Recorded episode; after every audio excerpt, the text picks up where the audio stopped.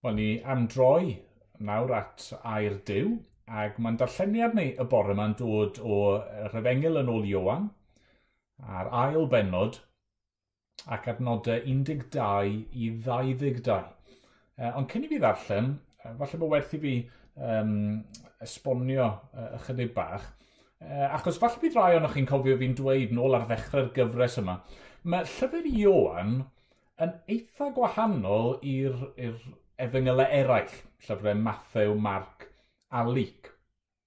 Mae yna rai pethau yn y llyfrau yna, dyw Iowan ddim yn sôn amdanyn nhw. A mae yna rai pethau yn efengyl Iowan, dyw'r tri arall ddim yn sôn amdanyn nhw. Ond yna mae ydych chi adran fel hon sydd dan sylw bore yma, a sydd yn wahanol eto, achos mae'r digwyddiad yma, neu digwyddiadau tebyg uh, yn ymddangos, Yn y pedwar llyfr, uh, Iesu yn glanhau y deml, yn clirio'r deml o anifeiliaid a uh, rai oedd yn gwerthu ac yn prynu ac yn cyfnewid arian. Ond, mae Matthew Margalic yn cyfnodi'r digwyddiad ar ddiwedd gweinidogaeth Iesu, just cyn iddo fe farw. A mae Iowan fan hyn yn gosod y digwyddiad ar ddechrau gweinidogaeth Iesu. Felly, falle bod ni'n darllen yr, yr, yr hanesion yma, ni'n crafu'n pen, beth be sy'n mynd ymlaen fan hyn? Wel, mae'n y cwpl o, o opsiynau gyda ni, os ydyn ni'n esbonio'r gwahaniaeth yma. E, nawr, bydd y rai sydd ddim yn derbyn fod y Beibl yn air diw, a bod yn e, awdurdodedig, um, yn dweud, wel, just, just camgymeriad sydd yn ni fan hyn. Um, mae efallai Iowan neu Matthew Mark Marcalic yn drysu.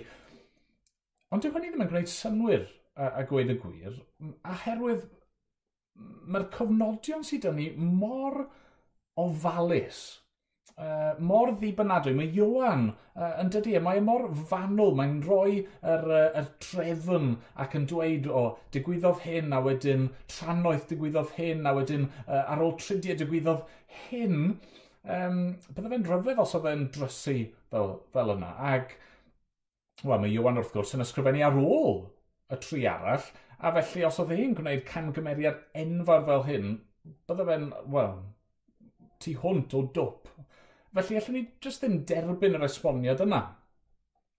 Oce, okay, bydde rai wedyn yn dweud, wel, mae'n fwy tebygol bod Iwan yn cofnodi'r un ddigwyddiad – ond mae e'n gosod e ar ddechrau gweinidogaeth Iesu, ar ddechrau ei lyfr e am reswm. Uh, mae'n gwneud yn fwriadol. A mae hynny'n bosib.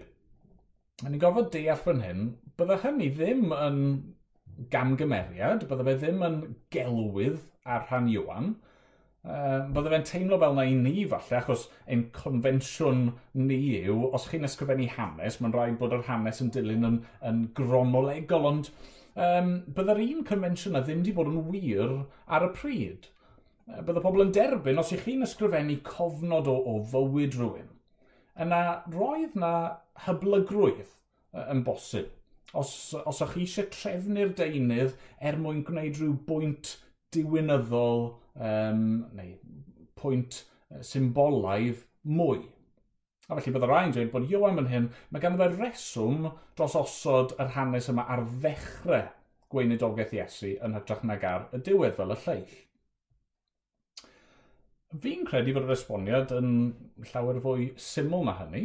Um, fi'n credu fod dau ddigwyddiad tebyg iawn i'w gilydd – ond ar adegau gwahanol. Un fan hyn, mae Iwan yn cyfnodi ar ddechrau gweinidogaeth Iesu, a'r llall, fel mae Matthew Mark a Luke yn cofnodi ar ddiwedd ei weinidogaeth e.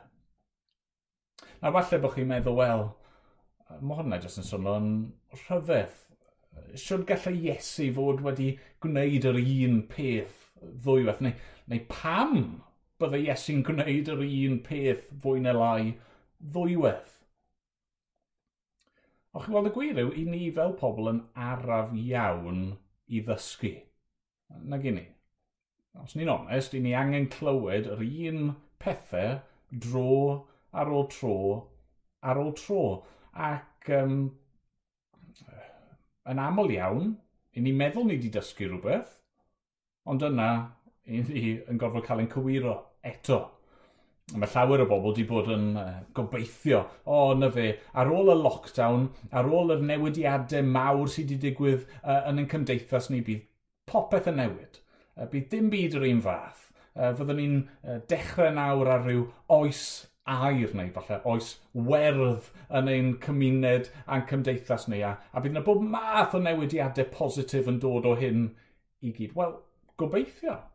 Fi wir yn gobeithio bydd hynny'n digwydd. Ond, y tebyg yw, bydd hi ddim yn hir iawn ar ôl i'r lockdown orffen, nes bod pobl yn mynd nôl i'w un hen batrymau. Dyna, dyna effaith ein natur pachadurus ni. Heblaw bod Dyw yn dod ac yn newid ni, uh, tu fewn, newid ein calon ni, i ni wastad yn mynd i fynd nôl uh, i'r un ffordd hunanol pechadurus. A felly, er fod Iesu fan hyn yn gwneud y peth uh, trawiadol grymus yma, dyw e ddim yn syndod, neu dylsa hi ddim fod yn syndod fod y bobl yn fuan iawn di mynd nôl i'w hen ffyrdd nhw. Wel, nawn ni ddarllen e, dyn gilydd felly. Iwan penod 2, dechrau'n adnod 12. Wedi hyn, aeth Iesu a'i fam a'i frodyr a'i ddisgyblion i lawr i Gapernaim, ac aros yno am ychydig ddyddiau. Roedd pasg yr iddewon yn ymyl, ac aeth Iesu i fyny i Jerusalem. A chafodd yn y deml y rhai oedd yn gwerthu uchen a defaid a cholomenod, a'r cyfnewidwyr arian wrth ei byrddau gwnaeth chwip o gordenni a gyrodd hwy oll allan o'r deml, y defaid ar echen hefyd. Taflodd arian man y cyfnewidwyr ar chwal, a bwrw ei byrddau wyneb i weired. Ac meddai wrth y rhai oedd yn gwerthu colomenod, ewch ar rhain oddi yma. Peidiwch a gwneud tu fy nhad i yn dîm masnach. cofiodd ei ddisgyblion eiriau'r ysgrythyr bydd sel dros dy di di yn fy ysu. Yna heriodd yr iddewonydd a gofyn, pa arwydd sydd gennyt i'w ddangos i ni yn awdurdod dros wneud y pethau hyn?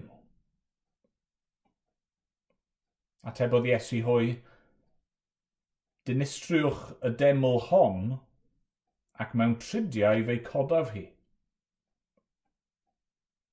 dwedodd yr Iddewon, chwe blynedd a deugain bu'r deml hon yn cael ei adeiladu. Gaw ti'n mynd i'w chodi mewn trydiau? Ond sôn yr oedd ef am deml ei gorff. Felly, wedi iddo gael ei gyfodi oddi wrth y meirw, cofiodd ei ddisgyblion iddo ddweud hyn. A chredasant yr ysgrythyr a'r gair yr oedd Iesu wedi ei lefaru.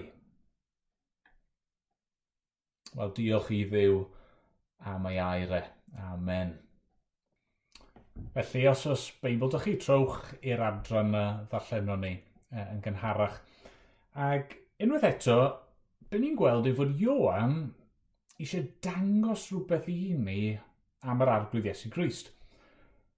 A mae'r hyn ni'n mynd i weld y bore yma falle'n agwedd o gymeriad yr arglwydd Iesu fydd yn llai cyfarwydd neu yn llai cyfforddus i rai ohono ni. Os ni'n onest, y ddelwedd sydd gan lot o bobl o Iesu yw y lluniau na chi'n gweld mewn straeon plant neu mewn ffenestri lliw eglwysig. Yr Iesu sy'n well, falle'n gallu cael ei grynhoi yn y geiriau Saesneg, gentle Jesus, meek and mild Ac wrth gwrs, roedd Iesu yn dyner. Roedd Iesu yn addfwyn ac yn raslon, yn faddeigar ac yn amyneddgar. Roedd Iesu'n llawn o gariad. Ond mae yna fwy i Iesu na hynny. Mae'r Beibl yn disgrifio Iesu fel llew. Er bod ni yn aml yn ceisio dofi y llew hwnnw. A felly wrth i ni ddod i'r hanes yma, lle mae Iesu yn, yn creu chwip o gordenni ac yn gyrru pobl ac yn efeiliad allan o'r deml yn troi byrddau uh, wyneb i weired, falle bod yna rhan ohoni sydd yn, yn mynd yn anghyfforddus. Falle bod yna rhan ohoni sydd hyd yn oed yn ymateb trwy ddweud, ww, sa'n hoffi'r Iesu yma, nid dyna'r Iesu fi'n credu ynddo fe. Sa'n hoffi Iesu sydd yn barnu, yn cyrryddu, yn cosbi. Wel, os mae fel neu chi'n ymateb yn agored neu yn dawel fach yn eich calon chi, gai awgrymu falle bod chi ddim yn credu yn yr Iesu go iawn. Falle bod chi fel y bobl yma yn y deml y diwrnod hwnnw. Chi wedi troi adnabod y Dyw byw yn rhywbeth rhagrithiol rhywbeth cymdeithasol, diwylliannol, traddodiad, jyst rhyw adloniant, rhywbeth i'w wneud o wythnos i wythnos. Ac os mae dyna lle i ni arni, os mae dyna'r cwbl yw ein, ein perthynas ni gyda Dyw am yr arglwydd Iesu ei hun am ein herio ni. Mae eisiau ni ail feddwl y ffordd i ni'n ei weld e.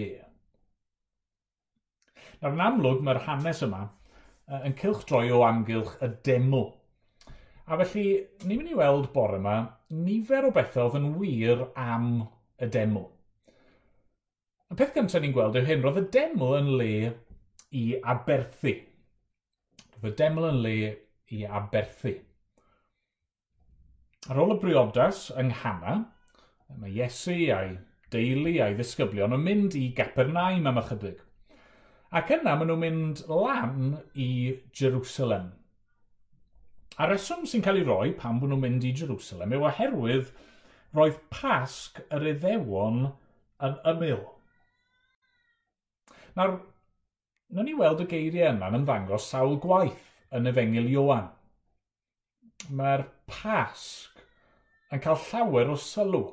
Mae'n amlwg fod Iowan yn gweld y pasg yr oil flynyddol yna, lle roedd pobl ddew yn dathlu ei achubiaeth nhw o wlad yr aifft, mae Iwan yn deall hynny fel, fel rhywbeth allweddol i esbonio bywyd, marwolaeth a gweinidogaeth yr arglwydd Iesu. Y pasg pan roedd oen wedi ei ladd gan bob teulu, y gwaed yn cael ei roi ar bist y, dryth, y drysau er mwyn arbed bywyd y cyntaf yn edig, Mae Iwan yn dweud, mae hwnna yn arwydd o cael. Nawr, roedd gan y demo hanes ddiddorol iawn, falle bod chi'n gyfarwydd ar hanes. Ar ôl i ddew achub y bobl o'r aifft, roedd yna gyfnod lle oedd e'n cwrdd â nhw yn y tabernacl, mae'n pabell Ond yna, wedi iddyn nhw gyrraedd i gwlad eu hun a uh, sefydlu hunan yng ngwlad yr addewyd, mae Dyw yn gorchymyn adeiladu teml. Na mae hynny'n digwydd yng nghyfnod Solomon a i dad e y brenin Dafydd. Ac yn ôl pob tebyg oedd y deml gyntaf yna yn rhyfeddod. Oedd e'n wych yn ysblenydd. Ond oedd y deml gyntaf yna cael ei ddinistrio Oedd y bobl um, anifydd i ddiw, wnaethon nhw anghofio am i diw nhw a'i gymryd e'n ganiataol, a nhw'n credu o, allan ni wneud beth bynnag i'n eisiau, a ddoli dywi eraill, jyst bod ni'n cario ymlaen i aberthu yn ôl y drefn, bydd popeth yn iawn, ond dyma diw yn dweud, wel na. A dyma diw yn anfon y Babilonied, yw, yw trechu nhw a'i uh, clirio nhw allan o'r deml, allan o Jerusalem, allan o'r wlad, a'i mynd â nhw i geithglyd. Yna, ar ôl gyfnod yn y geithglyd, dethon nhw nôl, uh, nath y Jerusalem a'r deml cael ei hail adeiladu, ond doedd yr ail deml na ddim cystal, oedd e ddim mor fawreddog. Ac yna, uh, oedd yna gyfnod arall lle nath fwy o waith ddigwydd ar y deml yng nghyfnod uh, y brenin Herod. Yna pam yn adnod 20, mae'r iddewon yn, yn sôn am y chwe blynedd y deugain bydd deml hon yn cael ei hadeiladu. Mae'n amlwg oedd y gwaith wedi bod yn mynd mlaen am yr amser yna a dal heb ei orffen. Ond oedd y deml yn fwy na just adeilad, crand. Oedd y deml yn symbol o o'i braint nhw fel pobl ddiw. Ac eto ar yr un pryd oedd y deml yn rybydd gan ddiw fod angen aberth er mwyn nesau ato fe. Chi'n gweld oedd, oedd holl strwythyr y deml yn adlewyrchu hynny. Oedd Dyw yn bresennol, na ni feddwl fwy am hynny mewn moment, ond er mwyn dod at Dyw, wel roedd hynny'n beth peryglus. A gweud y gwir, oedd e'n amhosib heb aberth. Oedd unrhyw un yn gallu dod i tu allan y deml, ac uh, oedd rai yn gallu dod i'r cwrt mewnol, Os o'ch chi'n offeiriad, o'ch chi'n gallu dod i fewn i'r cysygr. Uh, os o'ch chi'n arch offeiriad, o'ch chi'n gallu mynd unwaith y flwyddyn reit i'r cysygr mwyaf sanctaidd i bresenoldeb diw. Ond yr unig ffordd oedd unrhyw un yn gallu gwneud unrhyw un o'r pethau hynny oedd gyda aberth. A mi credu bod y berygl i ni anghofio hynny weithiau. I ni'n dofi diw. I ni'n anghofio am sancteiddrwydd Dyw, am ei byrdeb e. Ond os ych chi'n darllen drwy'r hen testament, beth sydd yn dod yn amlwg yw, os ych chi eisiau nesau at y ddiw sanctaidd a ffyr a glân yma, mae angen aberth. Yn ni gyd wedi crwydro fel defaid, yn ni gyd i mynd yn ffordd yn hun, yn ni gyd i syrthio'n fero o ogoniant a safon perffaith dew. Mae'r Beibl yn dweud mae cyflog ein pechod ni yw marwolaeth a'r unig ffordd i ddelio gyda pechod, yr unig ffordd i, i wneud iawn am bechod yw trwy aberth. Fod yna ddirprwy, fod yna substitute, rhywbeth neu rhywun yn marw yn fy lle i. Felly roedd y deml yn le aberth. E, mae rhaid mi ddeall hynny wrth i uh, Iesu a'i ddisgyblion a'r bobl fynd i Jerusalem adeg y Pasg, y cyd-destun yw um, aberth. Ond wrth gwrs, pwrpas yr aberthau ni wedi cyffwrdd ar hyn oedd er mwyn nesau at ddiw. A felly'r ail beth ni'n gorfod deall am y deml yw roedd y deml yn le i gwrdd a Dyw. Nawr wrth gwrs, mae Dyw yn holl bresennol. Mae Dyw yn llon bob lle, yn bresennol ym mhob man. Ond oedd Dyw wedi dewis gwneud i bresenoldeb e'n amlwg fan hyn, yn y deml. Oedd Dyw yn ei ras a'i drygaredd a'i amynedd wedi dweud, er bod chi wedi pechu, er bod y ddynoliaeth wedi gwrthryfela yn ferbyn ni, fe gewch chi nesau ato fi gydag aberth fan hyn. A felly, pan mae Iesu'n cyrraedd y demo, mae'r olygfa sydd o'i flaen e yn cynhyrfu dicter diwiol ynddo fe. Be mae fe'n gweld? Wel, mae'r deml neu'r cyrtiau allanol yn y deml yn llawn dob o bobl ac anifeiliad. Mae fel dydd mart Mae yna echen, mae yna ddefed, mae yna golomenod, mae yna gyfnewidwyr arian a, a busnes yn digwydd ym mhob man. Ac ar un lefel gallwn ni ddeall pam fod hynny wedi digwydd. Ni wedi gweud bod Iesu uh, a'i ddisgyblion wedi teithio lan i Jerusalem a bydden nhw wedi gwneud hynny yn gyson ac oedd yna bobl yn teithio o llawer pellach nag o'n nhw wedi wneud er mwyn mynd i afoli, i gyflwyno i ebyrth nhw. Oedd yna rai fydd yn dod o, o bellderoedd, o, o wledydd eraill. A felly, yn hytrach na bod nhw'n dod â'i anifeiliad eu hunan, yr holl ffordd, oedd e'n llawer rwyddach i brynu un ar ôl cyrraedd Jerusalem. Ac wrth gwrs, y peth ola byddwch chi eisiau yw bod chi yn mynd i'r ymdrech o ddod ar yw echen neu dafad eich hunan uh, o adre uh, yn carto fe am, am uh, filltiroedd uh, hir a dim ond i ddod i'r deml a bod yr offeiriad yn dweud, wel, na, dwi e ddim yn ddigon da, dwi e ddim yn dderbyniol, mae'n y nam arno fe. A felly, yn ddigon naturiol, oedd yna system di datblygu lle o'ch chi'n gallu prynu eich aberth chi ar ôl cyrraedd Jerusalem. Ac wrth gwrs ar ben hynny, byddwn y bobl yn dod o wledydd eraill ac er mwyn prynu anifel, oedd angen cael yr arian cywir. Falle bod ganddyn nhw uh, arian o wledydd gwahanol ac oedd angen i gyfnewid e. Oce, okay, digon teg.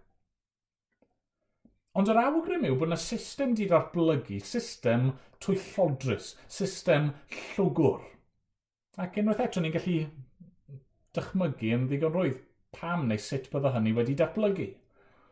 Uh, os oedd pobl yn gorfod prynu eich anifail chi yn Jerusalem, wel oedd y temtasiwn i godi'ch pris yn doedd. Ac os o'ch chi'n gyfnewidio'r arian ac oedd pobl yn dibynnu arnoch chi er mwyn uh, newid i arian nhw, er mwyn prynu anifail yn, uh, yn y uh, farchnad yma, Wel, oedd yna demtasiwn i chi i godi uh, comisiwn ac um, i roi rhyw exchange rate gwael. Mae'n amlwg mae beth sydd wedi datblygu fan hyn yw system lle oedd nesau at ddiw just yn ffordd o dwyllo. Oedd nesau at ddiw a cynnig aberth just yn, yn transaction ariannol. Ar ben hynny, os oedd hynny ddim yn ddigon gwael, oedd yr holl prynu a gwerthu'r prysurdeb yma uh, yn digwydd yn y deml. Yn y cwrt allanol, lle oedd fod hawl gan unrhyw un, hyd yn oed pobl o'r cenhedloedd eraill, i ddod i nesau at ddiw, i'w geisio fe a'i addoli e, myfyrio ar ei air e, a, a gweddio arno fe. Ond wedi troi'r lle yna, y lle sanctaidd yna, y lle oedd Dyw uh, wedi presenoli hun a, a, a gwahodd pobl i ddod i'w adnabod e, ond wedi troi e mewn i ffair. Fel mae Iesu'n dweud, peidiwch â gwneud ti fy nhad i yn di masnach. Ond di anghofio, beth yw'r deml go iawn? Mae'r gai ofyn, ydyn ni'n mynd trwy rhywbeth tebyg ar y foment? Peidiwch cam ddeall fi, fi ddim yn dweud fod Dyw di anfon y coronavirus fel cosp ar y byd. Okay? Sa'n mynd i fod mor hi a dweud bod fi'n gwybod meddyliau diw. Mae feddyliau ei yn uwch na'n meddyliau ni. Ond mae'r Beibl yn dangos yn ddigon clir fod yna adegau lle mae Dyw yn uh, defnyddio um, trychinebau naturiol a, a pethau yn y byd yma er mwyn ein disgyblu ni, er mwyn ein hysgwyd ni, er mwyn ein cael ni i ailfeddwl, er mwyn dangos i ni bod ni'n byw mewn byd syrthiedig, i, i ddangos i ni bod yna ddiwedd i fywyd a bod yna farn yn ein disgwyl ni. A fe nath e'n haro i fod y pandemig yma wedi cael effaith tebyg iawn i Iesu yn glanhau'r deml fan hyn. Ond do. Hynny yw, i ni gyd, um, yn erbyn yn nywyllus ni wedi cael ein clirio allan o'n mannau addoli arferol.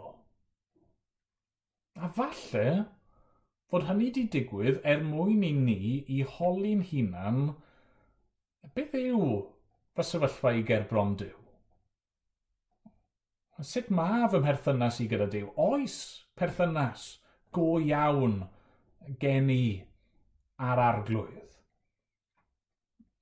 Ydw i just, fel y bobl yma, oedd yn mynd lan i Jerusalem, adeg y pasg, adeg y gwyliau eraill, just troi lan gyda'i anifan neu gyda'i arian nhw ac yn, yn mynd trwy'r mosiwns, gwneud i busnes ac yna mynd getre. Dyn ni fel yna? Efe'r cwbl yw e, bod yn gristion e, i rai ohono ni yw bod ni'n mynd trwy'r motions, ydy mynd i'r capel just yn ffordd o, o gymdeithasu a, ac uh, cael ein diddannu. Fi yn teimlo bod llawer ohono ni uh, falle'n cael ein dylanwadu gan yr, yr consumer culture ni'n perthyn iddi. Ac mae bod yn gristio yma a mynd i'r capel, di troi yn, yn rhywbeth i ni'n ei wneud, ni'n ni troi lan os i ni'n cael gwneud, uh, i ni'n uh, eistedd lawr, neu'n sefyll i gannu, neu'n mynd trwy'r motions i gyd, yn neud y pethau yna sy'n ddisgwyliedig ohono ni. Falle bod ni hyd yn oed yn, yn rhoi rhyw gyfraniad bach yn y casgliad ni'n talu'n pris mynediad fel petai, ni'n ni, ni cynnig ein aberth wythnosol ni, uh, neu uh, blynyddol ni, ac, uh, ac yna mynd gatre a, a na fe. Gai ofyn, ydy Iesu trwy'r sefyllfa bresennol yma yn, yn a ceisio dangos i ni fod yn fwy. Ydy wedi troi ein bywydau ni, benni weired, er mwyn dangos i ni, wel na, dwi e ddim yn ddigon.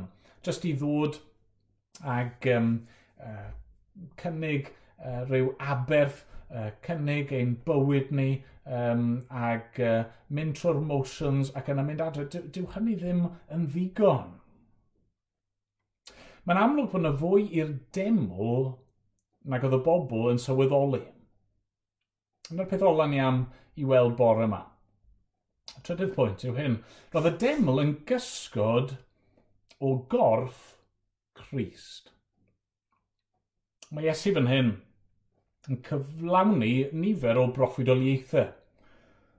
Yr un cyntaf mae'n uh, mae cyflawni, falle bod e'n llai amlwg, yw yn Malachi penod 3, adnod 1 i 3.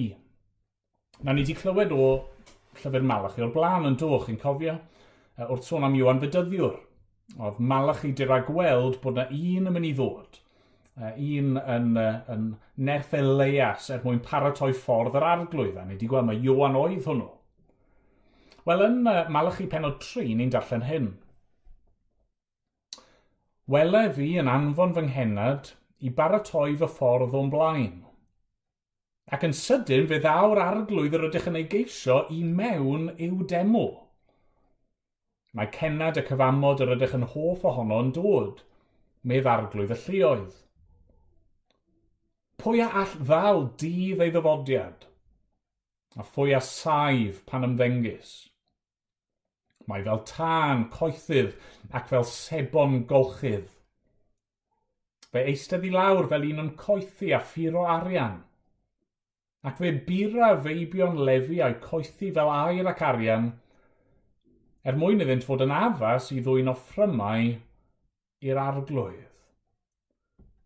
Fan hyn mae Iesu yn ymddangos yn y deml, mae'n dangos pwy yw e fe yw yr arglwydd sydd wedi dod yn, yn sydyn i'w deml. Uh, doedd neb yn gallu sefyll o'i flaen e a Mae wedi dod er mwyn puro a glanhau ac um, er mwyn creu pobl sydd yn gallu addoli Dyw yn gywir.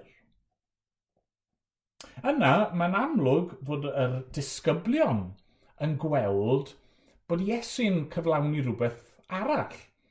E, maen nhw'n cael ei atgoffa wrth weld gweithredoedd Iesu o e, geiriau o Salm 69 adnod 9. Yn adnod 17 ni'n darllen cofiodd ei ddisgyblion eiriau'r ysgrythyr, bydd sel dros dy di di yn fy ysu. Neu fel mae'n ymddangos yn Sam 69, mae sel dy di di wedi fy ysu. Mae fel tas nhw'n gwybod bod Iesu fan hyn yn gwneud rhywbeth sydd yn mynd i'w gostio fe. Maen nhw'n gweld y sel yma sydd ganddo fe dros tŷ ei dad, ti ddiw, y deml, y man lle oedd Dyw uh, yn presennol ei hun, a maen nhw'n gwybod bod y, y sel yma yn mynd i gostio, bod e'n mynd i arwain yn y pen draw at ei farwolaeth e. Ond yna mae Iesu yn gwneud yn amlwg bod e'n cyflawni rhywbeth hyd yn oed yn fwy na hynny. Mae e wedi dod i gyflawni yr hyn oedd y deml ei hun yn arwydd ohoni. Edrychwch ar adnod 18 ymlaen. Yna heriodd yr iddewon ef a gofyn, pa arwydd sydd gennych ti ddangos i ni? Yn awdurdod dros wneud y pethau hyn. A tebodd Iesu hwy, dinistriwch y deml hon ac mewn tridiau fe'i codaf hi. Dywedodd yr iddewon, chwe blynedd a deugain byr deml hon yn cael ei hadeiladu, Caw ti'n mynd i'w chodi mewn trydiau? Ond sôn yr oedd ef am deml ei gorff. Mae'r arweinwyr crefyddol yma yn amlwg yn deall bod Iesu yn arwyddo diwedd y deml, diwedd y drefn aberthol, a felly maen nhw eisiau arwydd ganddo fe o'i awdurdod. Pa hawl sydd gen ti i wneud hyn? Nawr, gallwn ni ddadle fod Iesu wedi rhoi arwydd iddyn nhw'n barod, ond do, yn y ffordd nethol, rhyfeddol, mae wedi llwyddo i yrru pawb a phopeth allan. Ond mae Iesu'n dweud fan hyn, wel fe gewch chi arwydd, dinistriwch y deml hon, ac mewn tridiau fe'i codaf hi. Dyn nhw ddim yn deall be mae Iesu'n golygu, ond mae Iesu yn dweud rhywbeth rhyfeddol fan hyn be mae'n dweud yn y bôn yw, mae fe yw y gwir deml. Yr adeilad yna oedd mor wych, mor bwysig iddyn nhw. Yr adeilad yna oedd yn ganolbwynt i'w bywydau nhw ar holl drefn o aberthau, yr offer, y gwisgoedd, yr archoffeiriad, popeth arall. Mae Iesu'n gweud, mae, mae hynny i gyd wedi bod yn paratoi ato fi, yn pwyntio ato fi i fi wedi dod er mwyn i'r drefn yna i ddod i ben. Dyma'r arwydd gewch chi. Dinistriwch y demo hon fy nghorff i a mewn tridiau fei coda fi. Na i ddangos trwy atgyfodi ar y trydydd dydd pwy ydw i. Trwy aberth Iesu ar y groes, bydde dim angen echen neu dafad, neu colomen, neu unrhyw abeth arall, beth eto, oherwydd byddai ei un aberth ei yn ddigonol. Trwy aberth Iesu ar y groes, i ni yn gallu nesau at ddiw, dod at yr arglwydd, yn hyderus, achos ni ddim yn dod yn ein erthyn hun. Ni'n dod trwyddo fe. Ond i'r Cristion, mae yna rhywbeth hyd yn oed dyfnach, uh, hyd yn oed fwy ryfeddol fan hyn. Nes ymlaen yn y testament newydd, i ni'n dod i ddeall fod um, Cresnogion yn un ar arglwydd Iesu Grist, a felly'n cael ei disgrifio fel aelodau o'i gorff e. A felly, os chi'n meddwl am y peth, corff Crist yw'r gwir deml, Mae Cresnogion yn aelodau o gorff Christ, felly beth mae hynny'n ei olygu, beth sy'n wir amdano ni? Wel, ni nawr yw y deml. Yr eglwys yw teml ddew. Yr eglwys yw'r fan lle mae dew trwy yr ysbryd glân yn gwneud i bresenoldeb e'n amlwg. Mae pob aelod uh, o'r eglwys yn, yn gareg sydd yn, yn cloi yn ei gilydd, yn uno ei gilydd, ond y cwbl mewn cysylltiad â christ y congolfain gyda'n gilydd wrth i Gristnogion ddod ynghyd i, i foli Dyw, i ni'n cael ein adeiladu, yn cyd adeiladu, i fod yn, yn deml yn adeilad sanctaidd i Ddyw. Ys dim angen teml arnon ni mwyach i gwrdd â Dyw. Sdim angen i ni fynd i uh, Jerusalem mwyach i gwrdd â Dyw. Mae Dyw ei hun di dod i'n plith ni. Mae Dyw a dyn yn cwrdd yn yr arglwydd Iesu Grist ac mae Dyw a dyn yn cwrdd yn ei gorffe, yr eglwys. Ac wel, na pam i ni'n dyheu am fod nôl gyda'n gilydd. Nid er mwyn cael ein diddannu, nid achos dyna ni wastad wedi wneud, nid achos mae dyma y traddodiad ni'n perthyn iddi. Y reswm dylsyn ni fod eisiau dod nôl at ein gilydd oherwydd mae ni, yr eglwys, yw teml ddew. Mae dew, mae dew gyda ni, mae dew gyda chi. Ac uh, mae yna gysur yn hynny. Os ych chi'n Gristion, mae'r ysbryd glân yno chi a mae'r arglwydd yn agos ym mhob man, hyd yn oed pan eich ar eich pen eich hun. Ond ni'n dyheu am ddod at ein gilydd achos pan mae'r eglwys gyda'i gilydd, mae Dyw yn gwneud i bresenoldeb e yn amlwg i fendithio. Pan mae'r eglwys gyda'i gilydd yn addoli, dyna lle mae aberth Christ yn amlygu hynna, a bendithion aberth Christ yn amlygu hynna. Ac um, pan mae'r eglwys yn dod at ei gilydd, Dyna lle mae mawl i ddew yn cael ei gynnig. O, am y dyddiau, pan cawn ni ddod at ein gilydd eto. Er mwyn ei enw e. Amen. Amen. Ond ni'n mynd i gannu yn awr i orffen.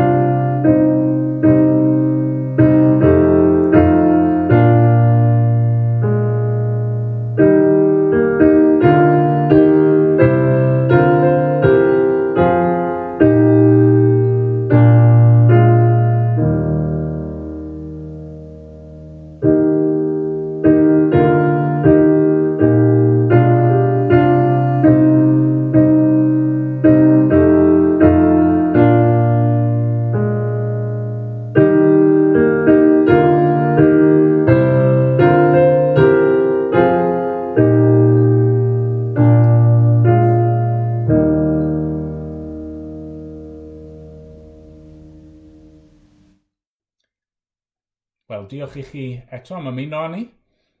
Ac um, i ni'n gweddio ar fel eglwys. Uh, bydd pob un sydd wedi gwrando ar y geiriau hyn yn awr yn ymwybodol o yr arglwydd yn gweithio yn eich bywyd chi, yn eich calon chi. Diolch bod ei yn cynnig ei hun i ni ac yn addo bod yn agos at bob un sydd yn ei geisio fi. Llun ni droi at y fe nawr. Na ni weddio. Arglwydd a wneud i'n caniatau ni nawr i ddod ata ti. Heb unrhyw ragryth, heb unrhyw um, elfen o, o grefydd oer, um, traddodiad, difeddwl. Arglwydd, helpa ni dy geisio di nawr um, o, ie, yeah, o weilod yn calon ni yn ddifrifol, yn onest. O dad, i ni'n nesau at y tei ac arglwydd i ni'n gwybod bod yna ddim un aberth sydd yn gallu delio â'n pechod ni yn iawn, ond aberth yr arglwydd Iesu. Diolch bod yr aberth yna wedi gynnig unwaith ac yn byth. Diolch bod ni nawr yn gallu mwynhau dy bresenoldeb di, dy gariad i trwyddo fe. Diolch, ie, fod uh, gennym ni nawr dy bobl di y fraint o fod yn demw i'r ysbryd glân o arglwydd. Bydd yn agos felly at bob un ohono ni. Derbyn ni nawr. Yn ddiolchgar. Amen bod ni'n dod yn ei enw i. Amen. Amen.